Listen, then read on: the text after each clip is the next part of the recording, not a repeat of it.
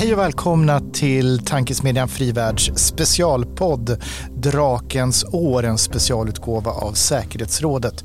Och vi har nu det andra avsnittet. Dagens huvudtema kommer att handla om Hongkong. Och vad var det egentligen som hände i Hongkong med demokratirörelsen? Vad hände sen när rubrikerna tystnade? Och hur ser det ut framöver? Och kring det ämnet har vi en fantastisk gäst, Simona Mohamsson. Du är författare till Hongkong RIP, alltså Rest in Peace. Och du är också liberal politiker, kandidat till Europaparlamentsvalet och med i Parliamentary Alliance on China, IPAC. Välkommen hit Simona. Tack så jättemycket. Och vi kommer strax tillbaka till dig för att prata mer om Hongkong. Men vi ska ju också summera lite grann vad som har hänt kring Kina den senaste tiden. Eller hur, Anna-Renée Skatri? Ja, precis. Och eh, några aktualiteter är bland annat i fredags förra veckan så besökte Kinas minister för allmän säkerhet Ungerns premiärminister och det här mötet ska då ha inneburit att Kina har erbjudit sig att fördjupa säkerhetssamarbetet med Ungern. Och eh, Kinas försök att återuppliva ekonomin pågår ju och analytiker pratar här om att Beijing måste implementera åtgärder för att stimulera en större inhemsk konsumtion som är eh, då skapar liksom då en, en avtagande tillväxt i det läget vi ser idag. Under förra året så klarade Kina knappt sitt ekonomiska tillväxtmål på 5 procent.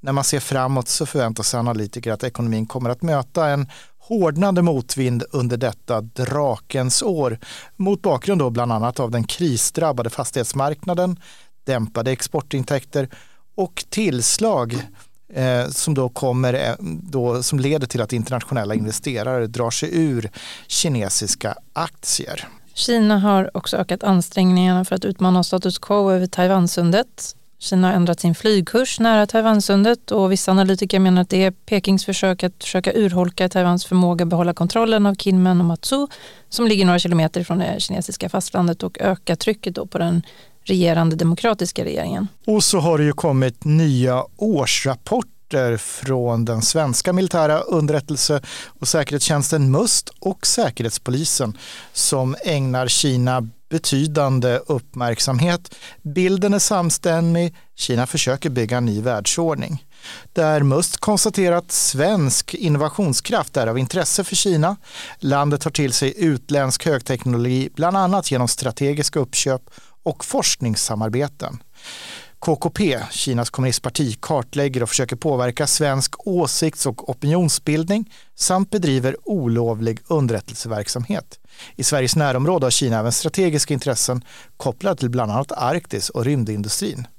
Medan Säpo skriver om Ryssland är ett hot mot Sveriges territoriella säkerhet så är Kina ett hot mot Sveriges ekonomiska säkerhet. Ja, Anna, då ska vi väl prata Hongkong. Ja, just det, precis. Det är ju ett ämne som har försvunnit lite grann från de svenska rubrikerna. Ja, verkligen. Eh, det kom ju en pandemi. Innan pandemin eller i början av pandemin så var det mycket Hongkong i rapporteringen. Det var det. Och sen hände det någonting. Ja, sen blev det tyst. Simona Mahamsson, du har skrivit en bok om Hongkong Rest in Peace. Men börja med att ta oss tillbaka lite mer i tiden eh, till tiden innan den kinesiska säkerhetslagstiftningen även kom att omfatta Hongkong 2020.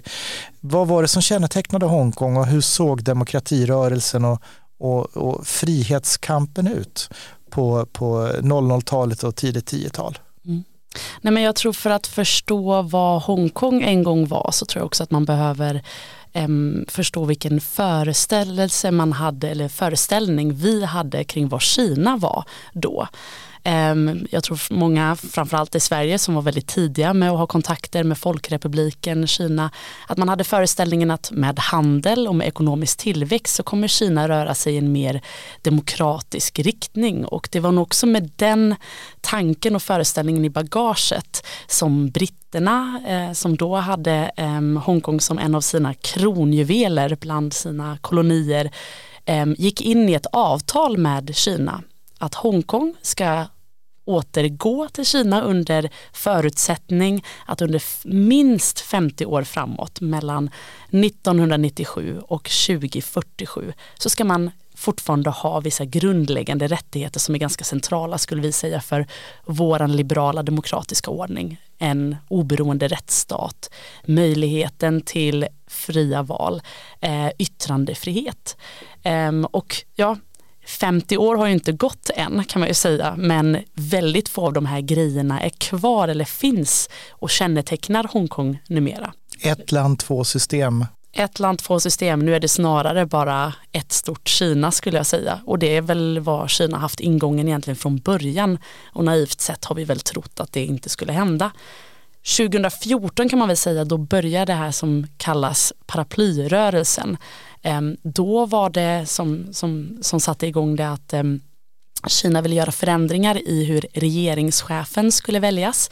Att det skulle vara någon som är partitrogen till kommunistpartiet.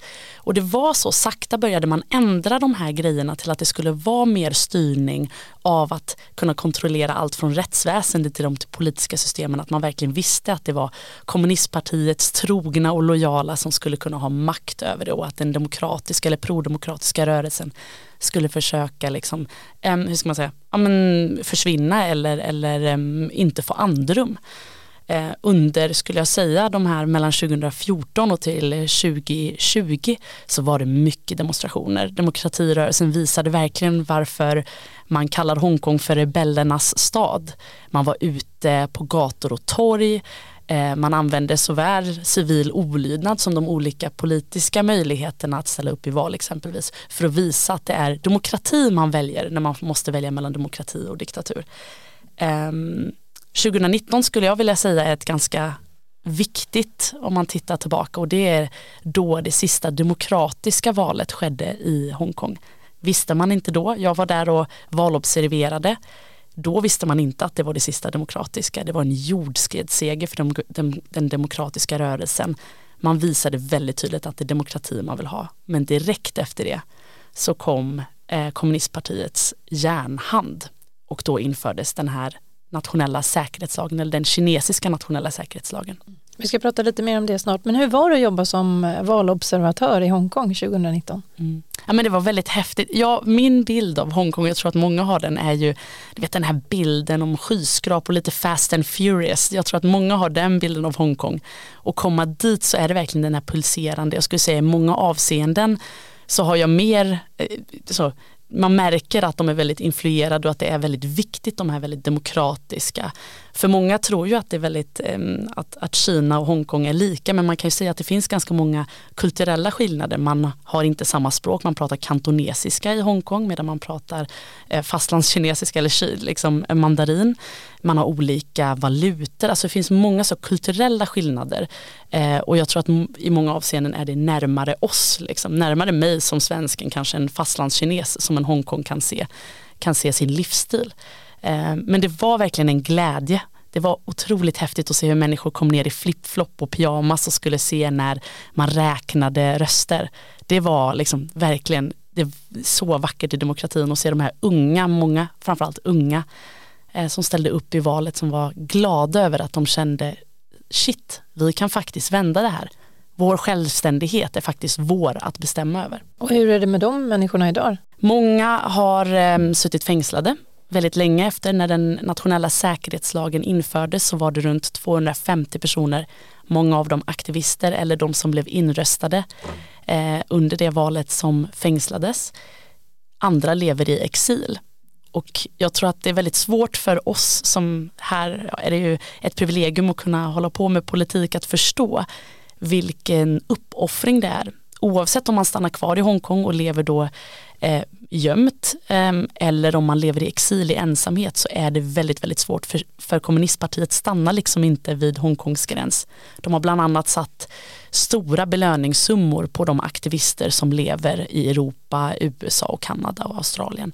Så det är verkligen så de lever konstant under det här hotet även om man har lämnat det. Tidpunkten och sättet eh, det skedde på säkerhetslagen Ska vi förstå det som att det kinesiska kommunistpartiet blev rädda när de såg den folkliga mobilisering som du, som du var på plats och upplevde? Ja, men det, jag, tyck, jag tror att de alltid har tyckt att Hongkong är lite pain in the ass. Liksom. Att kommunistpartiet bara, det går inte att kontrollera för att det finns så himla stark vilja. Sen var det ju så att pandemin hjälpte, att det gick att liksom tysta ner. Sen så, eh, det är ju det ena, att det gick liksom fysiskt att säga att folk inte ska vara ute på gatorna. Eh, därtill så gjorde man en säkerhetslag som är så otroligt vag att allt kunde vara olagligt. Jag minns när mina vänner liksom sa att idag ska vi gå ut och testa om ett vitt papper, ett A4-papper utan någon text kan anses vara olagligt. Och det kunde det liksom, av att bara stå liksom. För det var att demonstrera, att inte vara laglydig, att vara ett hot mot eh, regeringen. Så det, de har ju gjort det, en konstruktion som gör att, att det går liksom inte att veta vad som är lagligt eller olagligt. Ehm, så att de kan, kan egentligen vara flexibla. Och det här var ju några månader in bara på pandemin. Vad tror du att pandemin mer specifikt spelade för roll för möjligheten att införa den här typen av lagar? Underlättade det? Absolut, för att det gick att fysiskt säga att folk inte borde gå ut. Ehm, så de hade en väldigt sträng och långtgående eh, införande av just den här med rörelsefriheten. Så det var en stor hjälp att kunna, kunna göra det. När ett vitt papper blir ett hot, ehm, då, då är det ju ganska enkelt att beskriva egentligen hur situationen är för press och yttrandefriheten i Hongkong. Oh ja, och det som är intressant med den nationella säkerhetslagen är ju att det jag och du eller det vi gör här skulle kunna anses vara en del, eh, skulle kunna vara lagfört om vi, skulle kunna, om vi kommer till Hongkong. Den nationella säkerhetslagen begränsas alltså inte till territoriet utan det är så att det är ja, allt som kan vara ett hot till kommunistpartiet eh, kan anses vara då olagligt och ja, kan leda till fängelse. Även om du inte är medborgare, subjekt? Mm. Absolut. Och det är rätt långtgående och det är därför det är, tänker jag, väldigt få som förstår um, hur det här verkligen har varit dödsstöten för Hongkong. Det är klart att de har gjort jättemånga förändringar, alltså kommunistpartiet när man kom in i utbildningssystemet, man ändrade historieböckerna, man minskade antalet timmar med kantonesiska um, i, i liksom lärar, liksom, um, lärarplaner man ändrade i vilka böcker som var i biblioteken, vilka filmer som får visas. Nu senast så har jag fått bilder över hur man också har ändrat stadsbilden, att man inte längre får ha de här väldigt kända neonskyltarna som finns på de stora paradgatorna. Så det är, de försöker forma nästa generations Hongkongare till att vara mer kineser eller liksom mer trogna till kommunistpartiet. Och då behöver man ju de här hårdförda rätts eh, liksom, rättsfallen är en grej, men det här mjuka, kultur, skola, så, det är ju det som i slutändan formar oss till vilka vi är och frågan är hur mycket som är kvar. Hur, om man inte ser demonstrationer, om man inte vågar prata om vad som hände 2014, 15, 16, 17, 18, 19. Hur ska en nästa generation då kunna fortsätta vara rebeller? Och högtidlighållandet av massakern på Himmelska fridens torg mm. eh, sker ju inte ostraffat idag. Mm. Vilket det har gjort i Hongkong under lång tid. Mm, precis. Nej, men det, och vi har lägg till, vi har ju liksom um, Gui Minhai som är göteborgare som har länge haft också en bokaffär.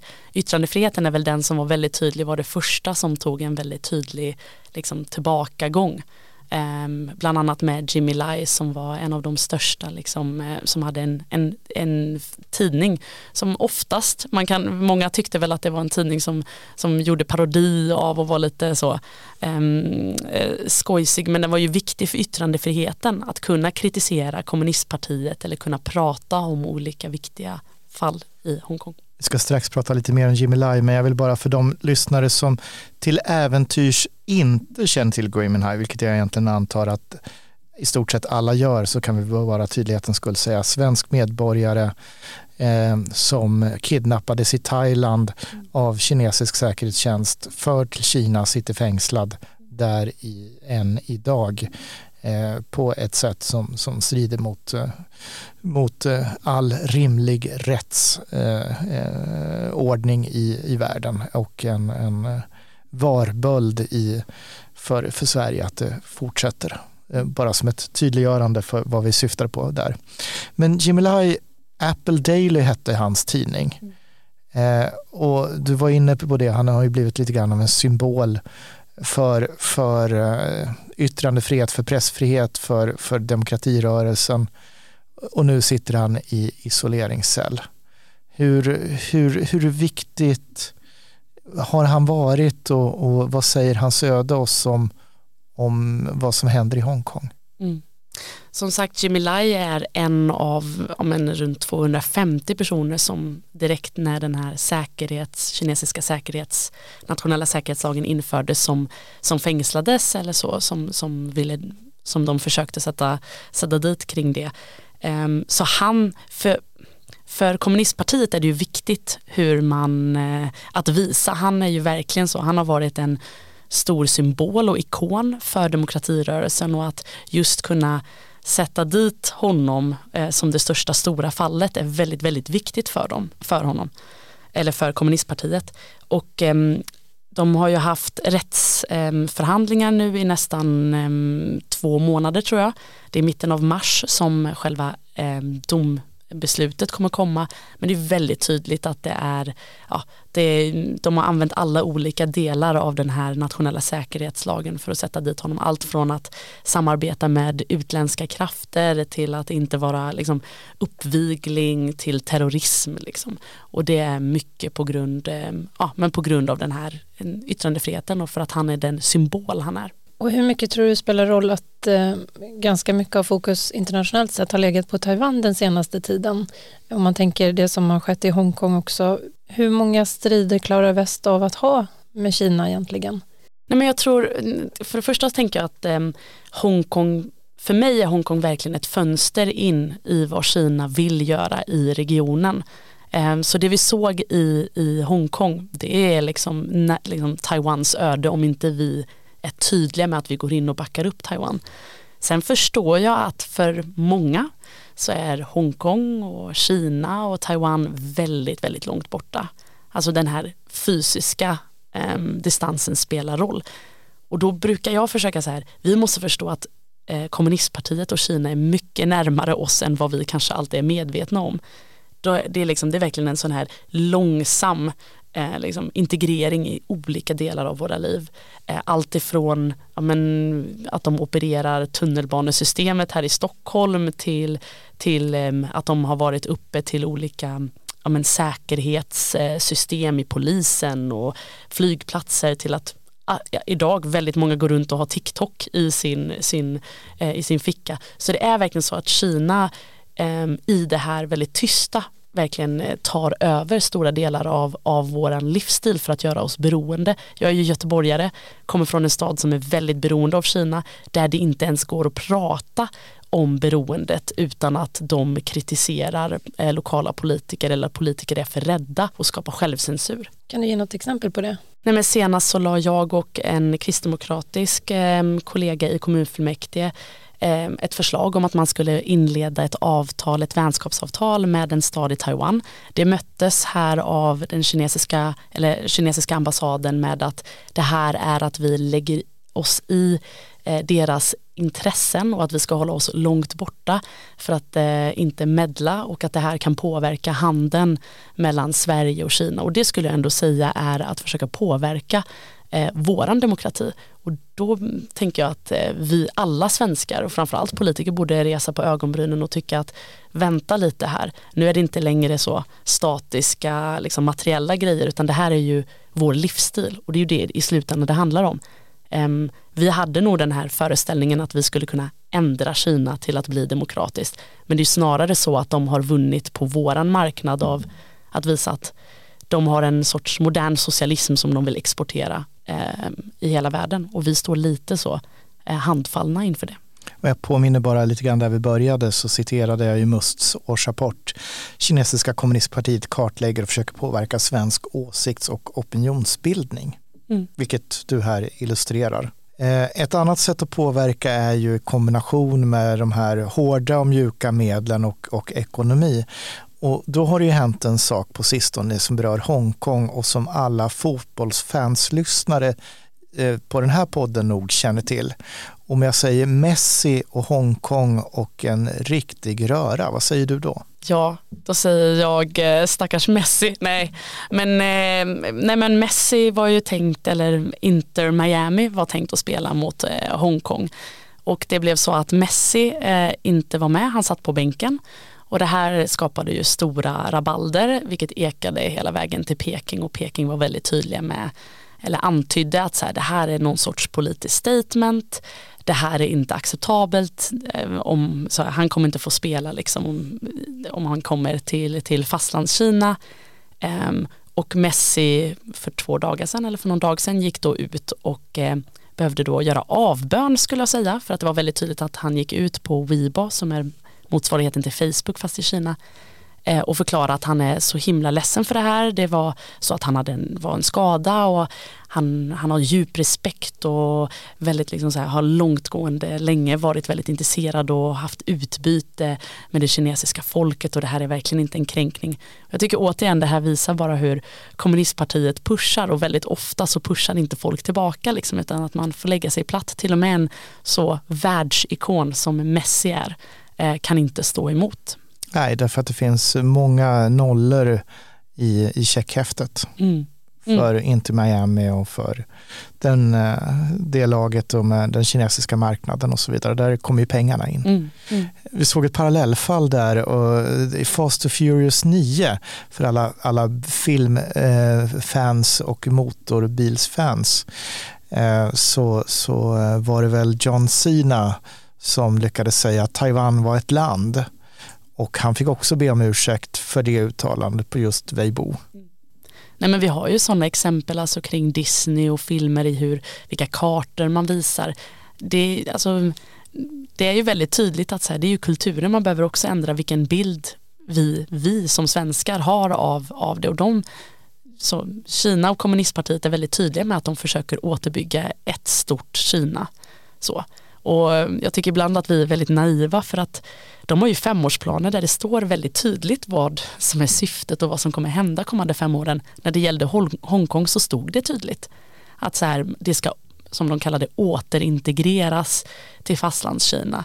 Ehm, så ja, man får ju fråga sig om det är så att vi eh, verkligen läser det, det, deras femårsplaner om vi har en plan att möta det och vara stöd för de demokrati och pro prodemokratiska rörelser som försöker stå emot.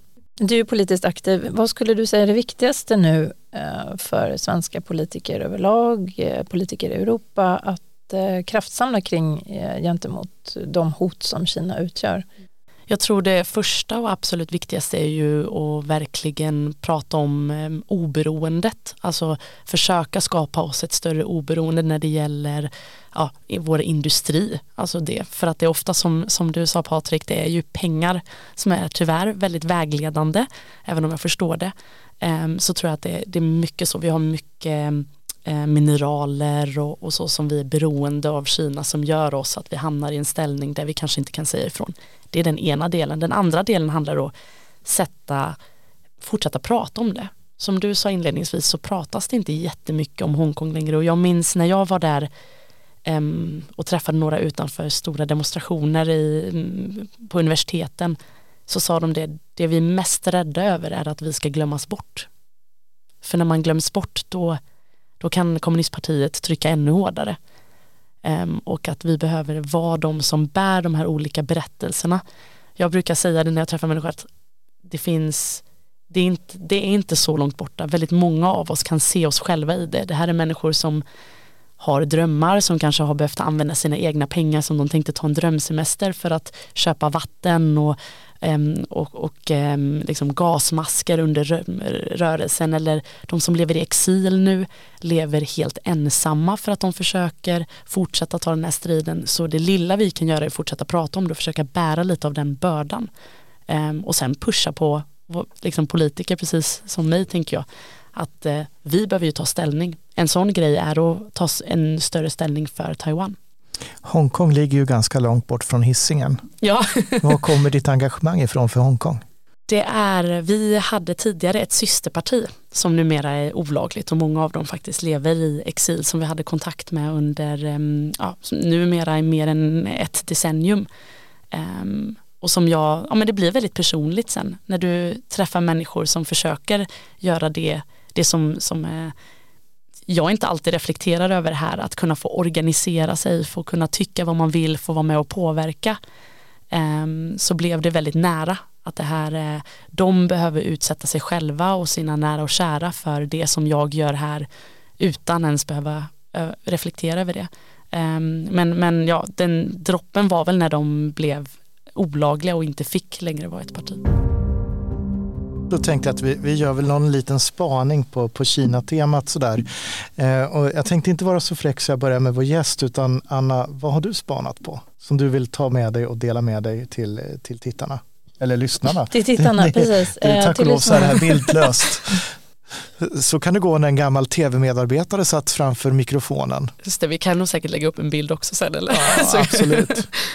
Nej, men jag blir nog kvar i det här att man Eh, Eh, det är viktigt att eh, försöka, ja inte bara det här klassiska hålla två tankar i huvudet samtidigt men eh, två delar kring problematiken om Kina. Att orka både bära liksom Hongkong och Taiwan samtidigt så att man inte eh, siktar in sig för mycket på det ena eller det andra utan de här sakerna hänger ihop och att eh, det som Simone har sagt här att det är väldigt viktigt att eh, fortsätta prata om Hongkong. Mm, vad har du för spaning med dig? Spaningen, jag tänker att eh, det är fortsatt så att Hongkong är det här finansiella centrumet som det en gång var och fortsätter få, var, få vara det. Så min spaning är väl att jag tror att eh, i och med att USA har växlat upp kring att, eh, att det här kanske inte är rätt att de får fortsätta ha de privilegier som de har idag. De har olika privilegier som fastlandskina inte har kring, kring handel. Att jag, jag, jag tror att det är fler som kanske följer efter det. Det kanske inte är räddningen av Hongkong men det är en väldigt viktig symbol att eh, så, du, så här, det, de har förbrukat avtalet, avtalet gäller inte längre och då kan inte heller Hongkong få fortsätta åtnjuta de här finansiella privilegierna som, som de har och det, kom, det kommer påverka liksom Kinas ekonomi. Och då blir Hongkong som en kinesisk stad vilken som helst? Det skulle jag säga att det idag är. Och den spaning jag tar med mig den kommer från Bryssel där EU-kommissionen har inlett formella, eh, ett formellt ärende mot TikTok för att undersöka om TikTok bryter mot Digital Service Act eller DSA som det förkortas med. Eh, och eh, då fokuserar bland annat då på om eh, TikTok eh, sköter sig när det gäller eh, en rad olika saker. Eh, och det handlar om, om naturligtvis om datasäkerhet, eh, ge eh, oberoende researchers tillgång till, till TikToks data och också hur TikTok då stimulerar sådana här negativa effekter då på, på, hos användarna. och det syftar ju då bland annat på barn också. Så att eh, de, eh, det inleds och om TikTok skulle då finnas vara bryta mot EUs Digital Service Act så kan det bli föremål för rätt omfattande böter. Så det är den, den spaningen jag tar med mig och att det är säkert också ett ämne att återkomma till. Ja, då ska vi sätta punkt. Anna, kan vi säga någonting om nästa podd? Den kommer snart. Den kommer snart. Precis, inte, inte mer än så. Nej. Nej, vi håller, håller, lite på det. Vi håller lite på det. Men, men vi har flera poddar under planering och så får vi se vad det är som kommer ut här igen om omkring två veckor när vi är tillbaka igen. Och du har ju då lyssnat på Drakens år, en podd från tankesmedjan eh, Frivärd. Eh, som görs som en specialutgåva av säkerhetsrådet. Research till den här podden har Astrid Nord gjort. Du har hört Anna René Skattry som är chef för Frivärd. Du har hört mig, Patrik Oksanen, som resident senior fellow. Och framförallt så har du hört Simona Mohamsson som har varit dagens gäst på temat Hongkong. Och kom ihåg, vi behöver prata mer om Kina och inte mindre.